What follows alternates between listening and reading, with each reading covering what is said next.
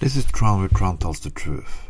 Yesterday I saw a poster from the Liberal Party of Norway with a big picture of Donald Trump in the middle. It was to promote the party's education politics. And it was quite funny.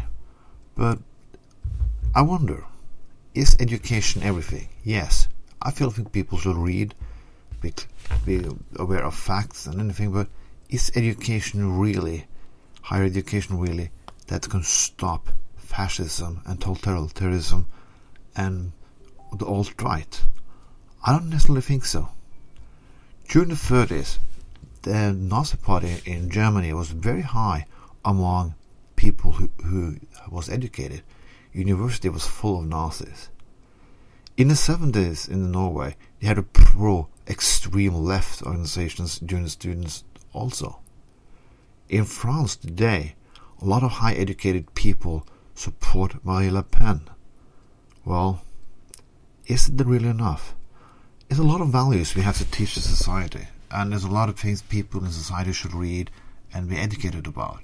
But definitely think that just having a higher education make you or make the society protected against all bad things is wrong. I think people should read more, spread, spread knowledge and so on. But there's some values you have to learn. Hmm?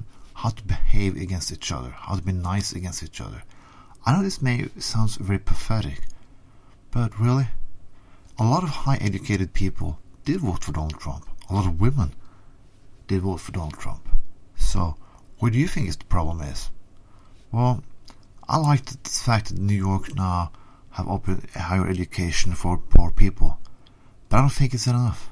I think society now stands for big, very big challenges, and the challenges is not cannot be solved by universities or colleges, only solved by the people in it.